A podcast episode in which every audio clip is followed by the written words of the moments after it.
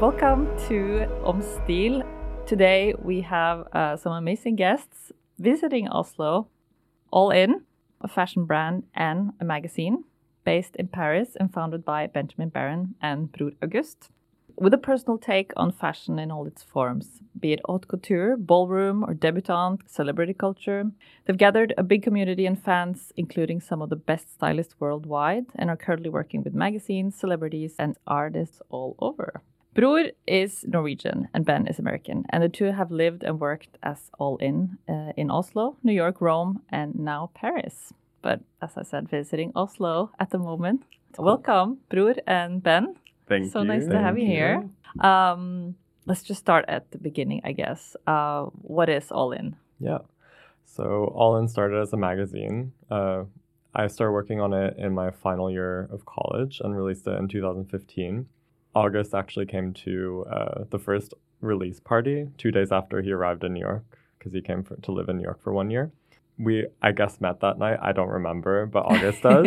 Yes, And I then we- asked him if he had a phone charger. Yeah. And then we met around uh, throughout the year at uh, gallery shows and anyway, so the magazine was released uh, as like a art and design publication with uh, different types of conversations and collaborations with artists. And I was working on the magazine, and August was working on his own fashion brand, which he launched that year in New York, for August. And we were working on these projects separately uh, for a while, and then several years later, we started to collaborate on a fashion practice, like a design. And so slowly the project started to merge and we started to release clothing as All In. Can I just ask you uh, about the inception of kind of All In? What was your uh, initial idea with the magazine? Like, what did you want to do with it? Yeah, I mean, I it was like a project that I worked on my last year of college and to be honest, I was doing it mostly because I was a bit bored with the photography program at my school and feeling a bit isolated that I was like working just independently and that I was missing kind of a conversation between different types of people. And also, I guess the school that I went to was more like a traditional kind of like art photography school. And they sort of frowned upon like fashion photography, which is what I was interested in. So, yeah, I started working on the magazine mostly to kind of like be like a bridge to the outside world and kind of connect some of the things that I was interested in, like having worked a bit in publishing before that. But yeah, it was mostly about, I guess, trying to like create these like different conversations from different types of practices and kind of bridging a gap and having conversations with like a established artists like working with like a newer generation. Hmm. Yeah kind of creating like a new type of like community through the magazine. I- I think also something that's kind of interesting about that period, like 2015. It was like early Instagram culture, Mm. and I feel like a lot of young people at that time were kind of starting magazines, fashion brands. Like they wanted to sort of put their work out there, even though you weren't really, you know, necessarily experienced or, you know, had a, like a clear goal of what was missing sort of in the field of which we were working in. yeah So Sure. like Like vibrant underground culture somehow. yeah, like I remember when I first got to New York, I met like some people and they were like, "Oh yeah, you should have a fashion show." Because Mhm. I'm a stylist and I'm a casting director and I have a magazine and everyone's like Just 20 years old. it. Yeah. Um, so I I, think like- that made a lot of people like us able to sort of like connect at a young age. yeah i think it was like an era where people were just doing things and like willing to kind of like build up things from the bottom so i mean Called for the me- DIY wave, I guess. Like, yeah Yeah, and And- also New York, which had be- prior to that been very kind of commercial fashion center, like I don't know, New York Fashion Week, Bryant Park, like this very uh, industry heavy thing, mm-hmm. and becoming a kind of a new hub. Yeah. that. especially for that aesthetic.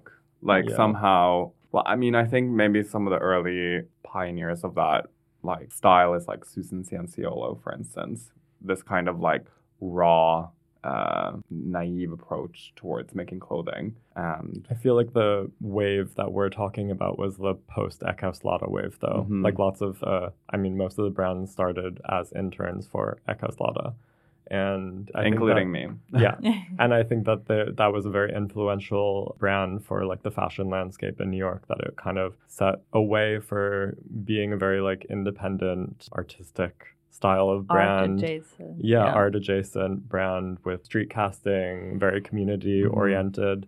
And I think that that was like a model for many people that came afterwards in the wave that we're talking about, which I would say we were maybe a small part of. For sure. I think it made people realize that, like, to be a fashion brand, it didn't need to look like high fashion. Like, it could look homemade, it could look like not real models, it could look like non expensive spaces, which, of course, has been done before, but it was kind of this moment of it happening. Again, it hadn't been around for quite some time, right? Yeah. Like you, you would.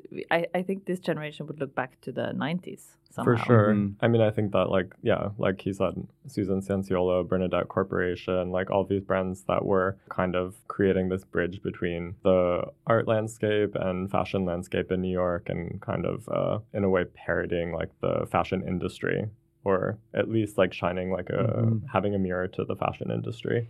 I mean, uh, it's a bit funny because it's. I feel like you're also sort of using satire as like um, I don't know, as a shield for the fact that you actually just aren't able to accomplish something of a higher, higher quality. Right, you know, right. it's like you also couldn't afford To- spaces or models, or you didn't have the knowledge of how to make expensive looking clothing. So rather than to it not or- doing it yeah. or something, you kind of would lean into that naiveness or something. Mm. And also this this approach has been very influential towards our approach to Yeah. making clothing. But I mean, even, yeah, I guess going to the first all in collection, which was made from collecting things from flea markets and then recontextualizing them into new garments.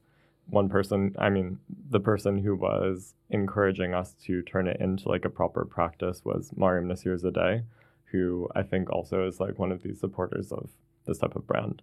Um, that she saw it or we showed it to her at like a tiny showroom in an Airbnb in Paris. And she was like, Oh, this is so exciting. I want to sell this in my store. You need to make more pieces. So, from those first pieces, which were made mostly just for photo shoots for stylists and for ourselves, like for our own photo shoot, that it was like starting to picture the idea of it actually being like a fashion brand or something that had a commercial value and I mean, she allowed us to like do a runway, our first runway in her store, and yeah, I guess gave us a bit of a platform for it to become collection. It's a big deal. I mean, I remember that happening. So uh, it was just a very kind of clear stamp of approval, I guess, from something that was a kind of an institution in New York at the moment. For sure. Yeah, for yeah. sure. I mean, yeah, I think that she is someone who both had like the industry recognition, but also was like a strong supporter of people like Susan Cianciolo. Like I know she's a collector of her work and really appreciates um, artisanal garments and practices and things being like she was uh, everything we made at that time was like one of a kind and i think that for her that was just something that was cool and not a problem which it is for many stockists hmm I guess that's also like um, I don't know. When you also start out, you will mostly like in the beginning maybe only encounter people who are very supportive of what you do. So you kind of keep going in that path, like you know that everything is one of a kind at first. You only sort of receive very positive feedback on on the fact, Right. and then it isn't until later, I guess, that you kind of realize, oh, there is actually there's quite a lot much- of difficulty. A world out there with a or there's too much demand i guess to keep up with the fact that everything is supposed to be one of a kind I, I remember this thing about the heel concept. Was that? Oh, yeah, that was was that part of this show?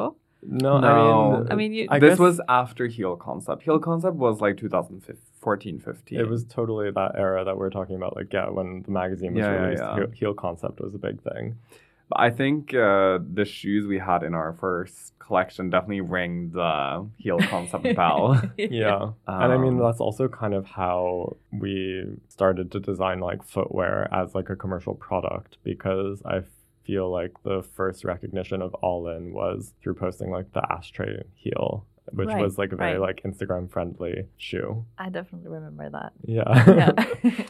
It's funny actually, like um, th- thinking about also what type of design that has like success from a young designer today. Like, I feel like the ashtray shoe or the chandelier shoe, it was so successful because it kind of has this like, it's like something that you can immediately sort of recognize the that something is off in the image, but it's not too complicated for it to be something that you have to like stare at for a long time to understand. Like it's this kind of perfect immediate offness that captures your attention, Mm. which I feel like dictates so much of what successful design is today.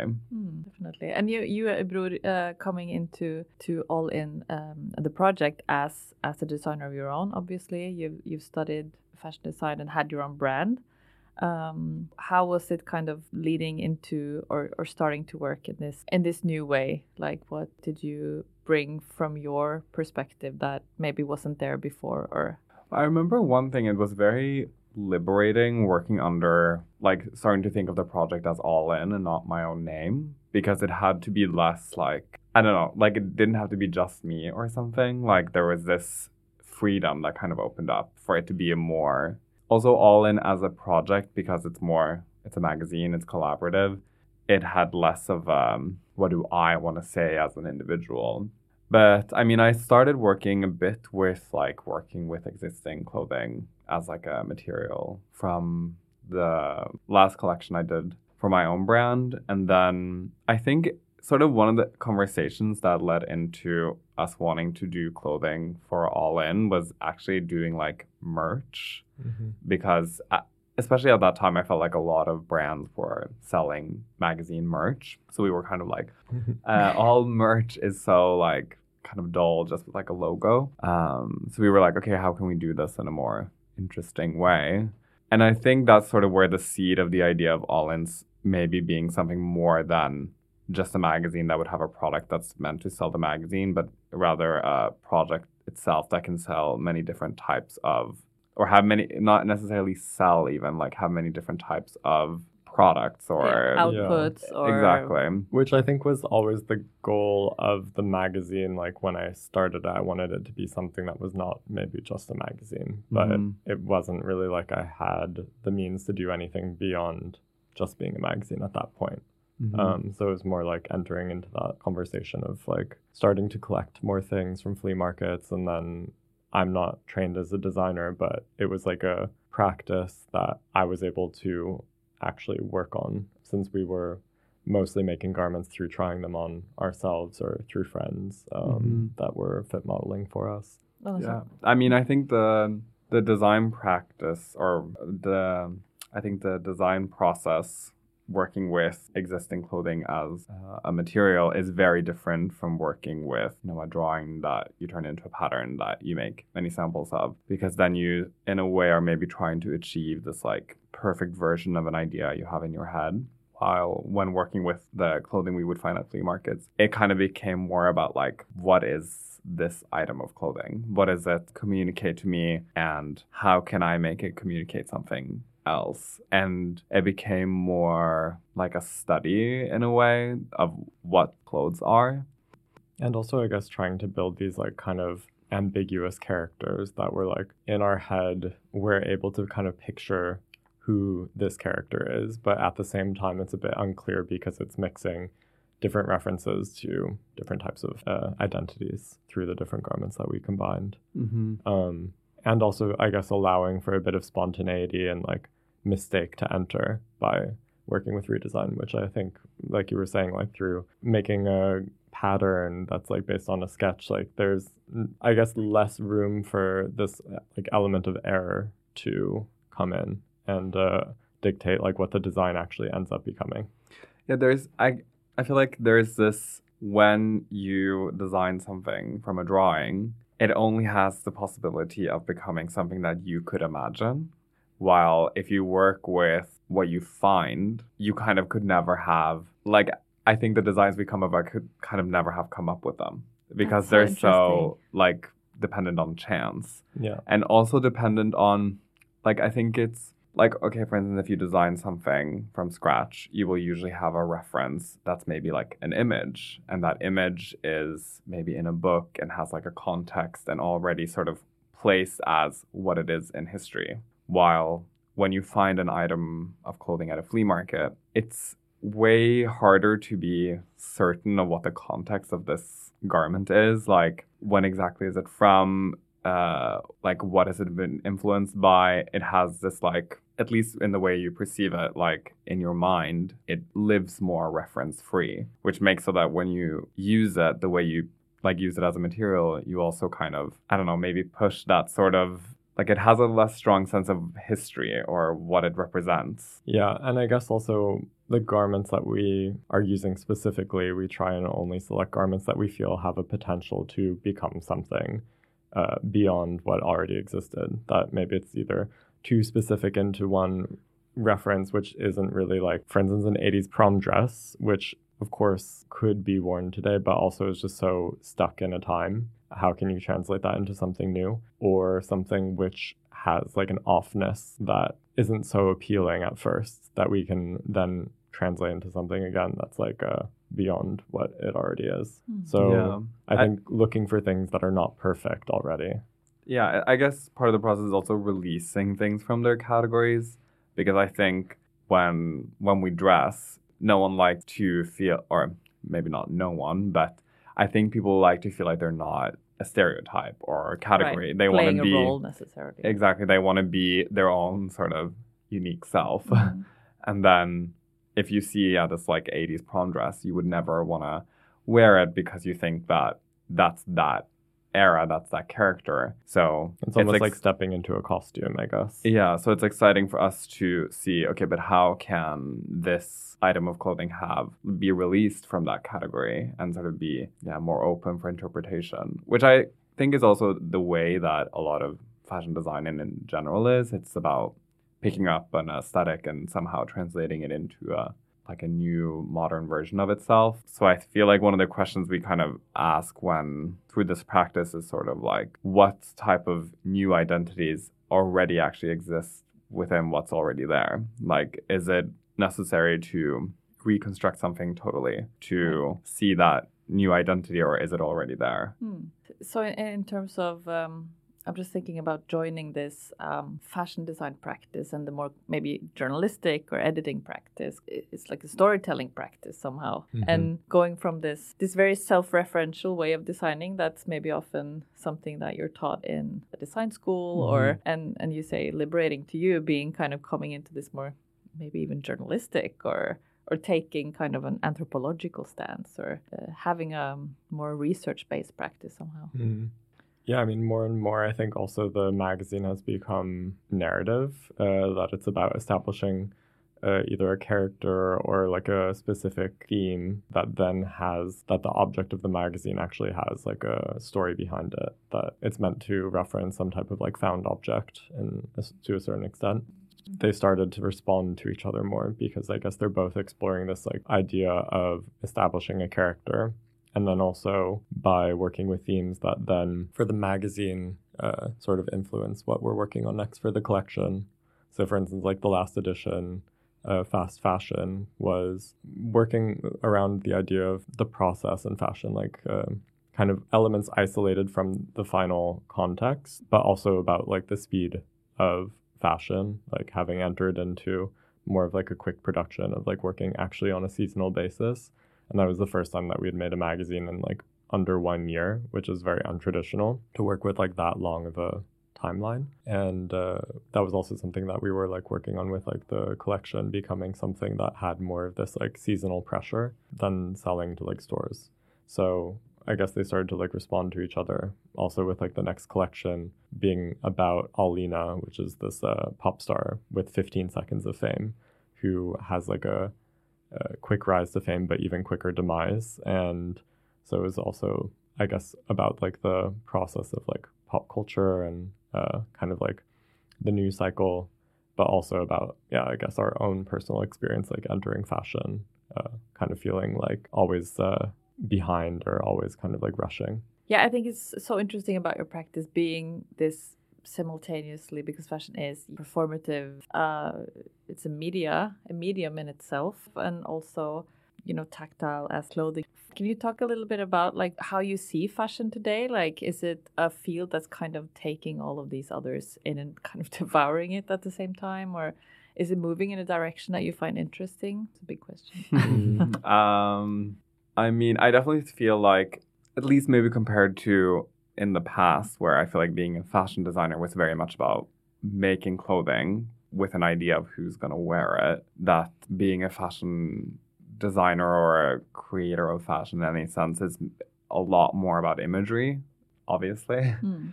And that that maybe sort of shifts the question of like, what does it actually mean to be like a fashion designer? Like, you know, I feel like even like a new movement in a way, I feel like is how influential sort of stylists are. You know, Right. that style is sort of equally like prominent in um, Creative somehow. yeah, or even like um, you talked about in a previous podcast, like uh, about set design. Mm. Like, for instance, if you were to describe a sh- recent fashion collection today, it would maybe be that you would be like, it was the this show, The show, right, right. and you would refer to the set of the show, maybe not the the designs of that collection, because maybe the designs of a brand are more similar per season, but the set design is very different. Or you I know, mean, I guess other Yeah, it's yeah. like, for instance, I mean, now we work with Lotta Volkova, and I feel like she's very like, uh, kind of like epitomizes like this kind of movement with like Miu Miu, for instance. Like someone can say like, oh, that was like the secretary show because it's about the world building from the clothing. right. Uh, what encompasses it? What is the energy? Who's the character? So I feel like that has become more and more important in fashion. hmm And I mean, I wouldn't. In a way, we're kind of a part of that by that we design, redesign together over sort of the raw material of clothing, and then a lot of the time, maybe it's sort of a more visual thing rather than like. I think a lot of our designs are more about like a visual communication rather than how is this worn and lived in in the world. Exactly, and and like a reflective practice or an artistic practice, and and like maybe I don't know. I I still like the concept of merch. How the collection is more like a merge of these ideas Mm. or something. Mm. Like I mean, you know, like there, there's this kind of exchange in that constantly, which I think is so interesting about your project, having this very clear kind of two-sided, yeah, output, as you say. Mm. I- I, guess that's also like in general in fashion. I feel like very few brands are selling clothing Mhm. just by the clothing. It's about selling the fantasy of like who are you when you wear that clothing, because you're buying into the imagery. You're buying into all of the things that are like kind of the background information. And I mean, it's not like branding is something new. Of course, that has been like uh, there for a long time. And also storytelling in fashion is not new. Of course, like Alexander McQueen, John Galliano, all these people have created like super strong narratives with their collection. But yeah, the stylist role in that process, I think, is becoming more and more influential. But I feel like also maybe there is a, I guess, a difference between being a designer who, for instance, works for a brand, where your role is to design clothes that sort of fit into the system of what that brand is. But when you start your own brand, it's that's when it kind of becomes equally about how do you communicate your brand and your world to to your audience. So I mean, maybe maybe we can take a step back and uh, because your kind of trajectory is uh, steep, uh, and and I guess that comes with all these new kind of insights and and challenges, of course, along the way, as you say, like going into the industry. Um, you were based in Oslo for quite some time and working from a more, let's say, modest, uh, uh, not point of view, but like surroundings, and then kind of moving into Paris. Can you say something about that? Like that, how, you know, what's happening now when things are like changing so fast? But in a way, actually, we were in New York first and then to Oslo. Mm. Mhm. and then to Paris, which I think was it at least was nice because then being in Oslo made us maybe appreciate the slower slower speed, and then back to Paris. yeah, yeah, but I mean, maybe like, even having know, a chance to kind of like not regroup, but just be like, okay, what do we want to do, and then kind of being able to take it out. I don't know. Yeah, I mean, I guess we were by the point that we came to Oslo having worked, like we were working in fashion for a tiny bit already, and things were not necessarily like hitting, I would say. But but I guess it was a moment to come back and kind of like develop this practice, which with all in like the clothing practice, which we had already established like that year. And I mean, there was the pandemic, which happened. August was in his master's program, uh, and it allowed us some time to develop it without like any pressure, I would say. So, I mean, the second collection that we did for All In was made in our studio apartment in Oslo, working on fittings on ourselves and just really taking time to develop that practice and try and push ourselves. Mm-hmm. And then we moved to Paris with like an artist residency that August had and decided like quickly after getting there we had one friend who was a producer and we met her and we were like okay so we have this collection that we brought with us and we want to do something with it. We were thinking maybe a fashion show like i don't know what do you think? And fashion week was three weeks away. Oh wow. and she was like okay well that's crazy but let's go. And so we just planned this like very diy fashion show in three weeks and i mean i guess one of the more like notable moments that really helped people like find out about our brand was that Lotta Volkova had walked the show. She clo- uh, opened the show, and I, also I think that was very like helpful for people to find out about what we do. And So how did that Yeah. happen? Sorry, I have to ask. well, I guess we realized this like later on, but she actually was the first person to buy All In. Um, Mm. She was in New York, I guess, and went to Maryam's store right after the collection was released, and she was, I think, the first person to ever buy our clothing. But before that, she was also seeing it on Instagram. Um, I think she's really great at discovering things, and she was like putting it in shoots. Like she had shot it for Vogue Italia, and I think that Mm. she was like kind of like I lifting us up into her world. I remember the yeah the first samples that we sent her from our collection was from my bedroom in my mom's apartment. Yeah, for sure.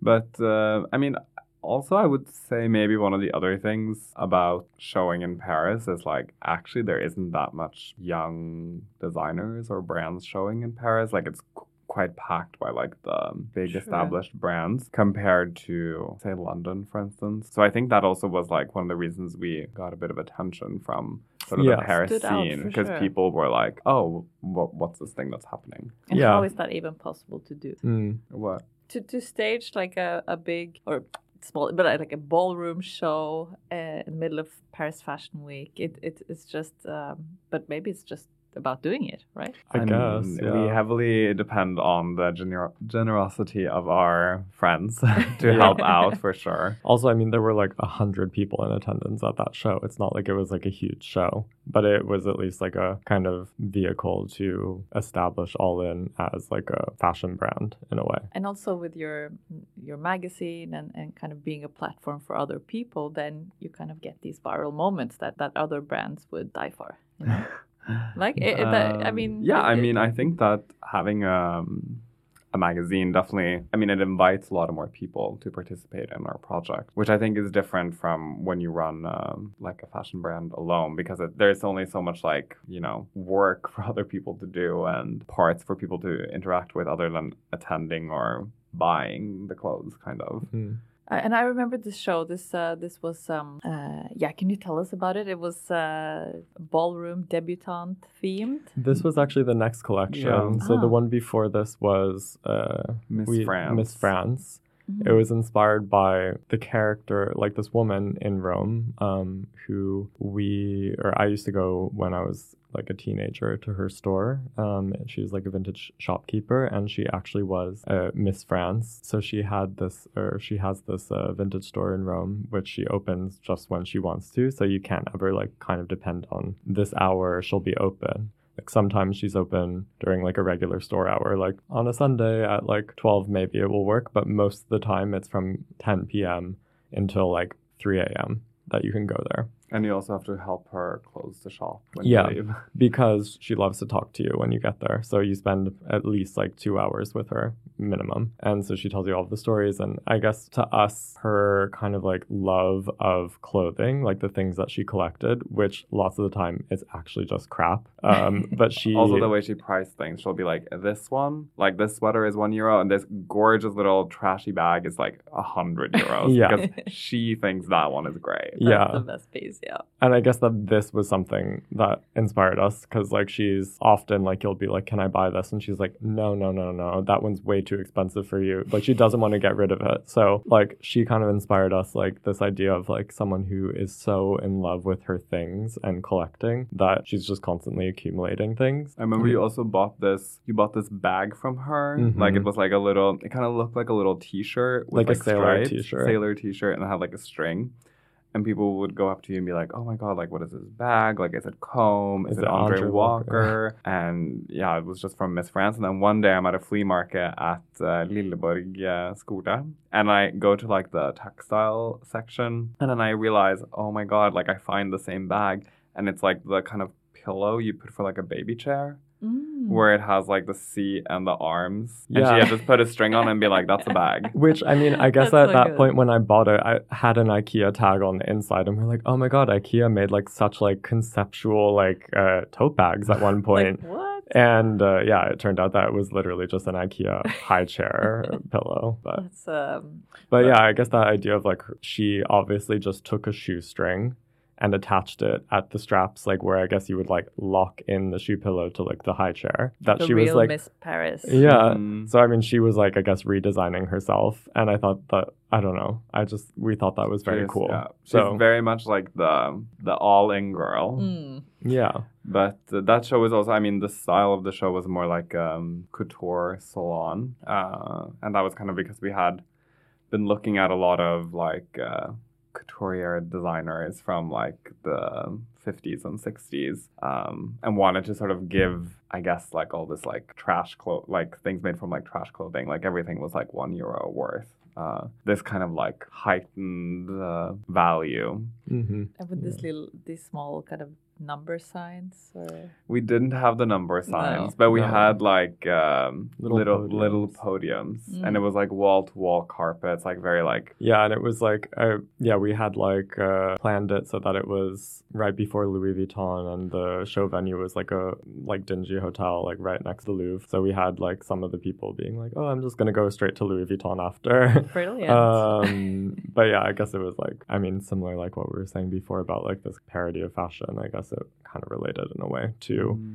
be presenting these things that were like originally like junky garments and trying to reference like some element of like classic couture houses through the design then presenting it in like the couture salon style presentation with like the models posing on podiums and kind of engaging with the audience. So yeah i guess it was trying to elevate in a way like these things that had no value into something that referenced like kind of the history of like paris fashion. But the show after uh, was the debutante, which I mean, I kind of took more inspiration from the um, kind of like when you're a um, teenager and you're wearing like an aesthetic without understanding what that aesthetic represents, which I think is especially something you do our like our generation because you're not actually part of real subculture, so you're not really living sort of the aesthetic that you're dressing. it's all like reference pictures and Mhm. garments you find. Or like Or- trickled down like I for instance I remember I was really into like punk rock aesthetic but it was through listening to Pink like not Right. through like real like I had no idea what real punk music was or what sort of was the reasoning for like why it looked the way it did um and this kind of like trickle down muted uh, misunderstood aesthetic was kind of the inspiration of the characters for for the debutante collection Yeah. I guess it was kind of built with this idea of maybe a more teenage character looking up to their idols and trying to bring some element of them into their own world, but not really understanding what the references are behind it. So, kind of misinterpretation um, within that type of like adopting. I guess similarly to the Miss France collection, it's I guess we're always kind of interested in these moments when a person has to try to like solidify their personality in sort of one outfit because Mm. like the pageant show or like the like the gala or Right. the like school prom it's sort of that one moment when you're supposed to wear that one thing that maybe is photographed and sort of captures an element of who you are Version yeah of you. Yeah. exactly Yeah. But then also at the same time, something going wrong in that process of trying to say who you are. So you can reference something that you're like, oh, this is who I am, but also that something like did not translate in that process. But I think that kind of relates back to the whole uh, sourcing thing that whenever you try to use sort of the categories or genres of clothing and try to uh, create that one outfit that represents you, you always have this is that really, you know, the correct way? Like there's almost always sort of an element of failure or n- because no item of clothing, I guess, can never kind of perfectly describe uh, that attempt. Hmm. Like Mm. you're you're trying to project something Mm-hmm. often very personal Mhm. and and kind of using these tools to do so or but it's Mm. it, it, it becomes this um, puzzle i guess or something or this uh, expression that is ambiguous somehow Mm. Yeah. I mean, I guess also maybe it's like a post like internet type of thing where we all have so many references to different types of things and subcultures, even though subcultures like barely exist anymore. Like, I think that it's about everyone having, or most people having, just so many things that they want to express through the way they dress. yeah, Um, and also I feel like clothing has lost. Like I think they had more clearer meaning before, but now everything has sort of been reworked so many times that everything refers to everything and nothing belongs to anyone. mhm. and the references aren't they, yeah exactly they don't mean anything anymore they're No. like is it pink or is it like a pink version of punk or is it Mhm. like even Yeah. I was- beyond that This is funny. Actually, someone wrote to us that from the last collection, like punk turns pink. Yeah. yeah Not Was like referring a- to the artist, but the no, but it was like a really nice like uh, letter written like after the show and just saying like yeah that it to that's what it kind of uh, felt like punk turns pink and like this idea of like liberation which was very nice. I guess it kind of felt accurate in some way. Mm-hmm. there's like a post fashion practice or no i mean i don't want to label it at all. No, but I mean I guess we've been talking a bit like with this person who wrote the letter is very much part of the industry and I feel like it's uh more about embracing the system like how do you make the system work for you? It's not like it's not like we're not uh trying to work in fashion. We definitely are trying to work in fashion but it's more just how do you kind of make it work for you? How do you kind of uh, how are you able to express all the things that you want to express and also survive by working commercially as well I also feel like I mean the more we dive deeper into sort of the the systems how the fashion industry works, you kind of also understand it so much better. That if you make fashion about fashion from an outside perspective, you kind of don't you kind of probably or you miss a lot of um, elements that you get to know through being part of it and I guess we kind of turn a lot of those feelings into inspiration. Right. As Ben was kind of mentioning earlier, like the speed of fashion, it brings out some type of anxiety, and how do you maybe turn that anxiety into something that is worth making work about? yeah let's talk about your your latest collection which was so fun to see. Uh Allina who is who is that?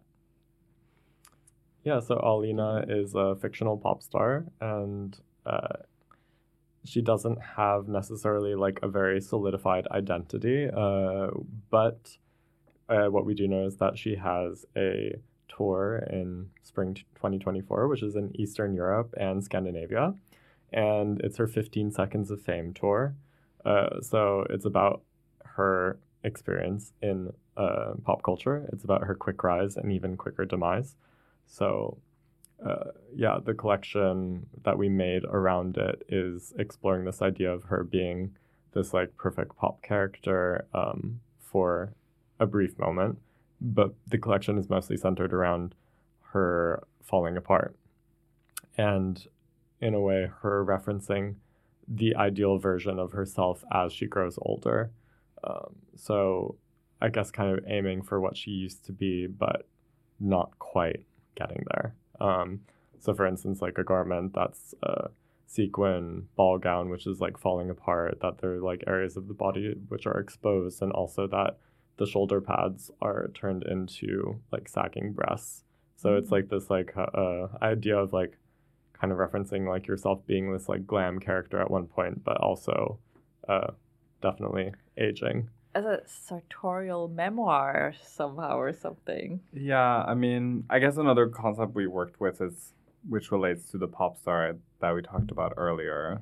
Um, you know, how you always kind of like do a new identity and sort of instead of ever growing into sort of one final form, you rather just like pile on new identities.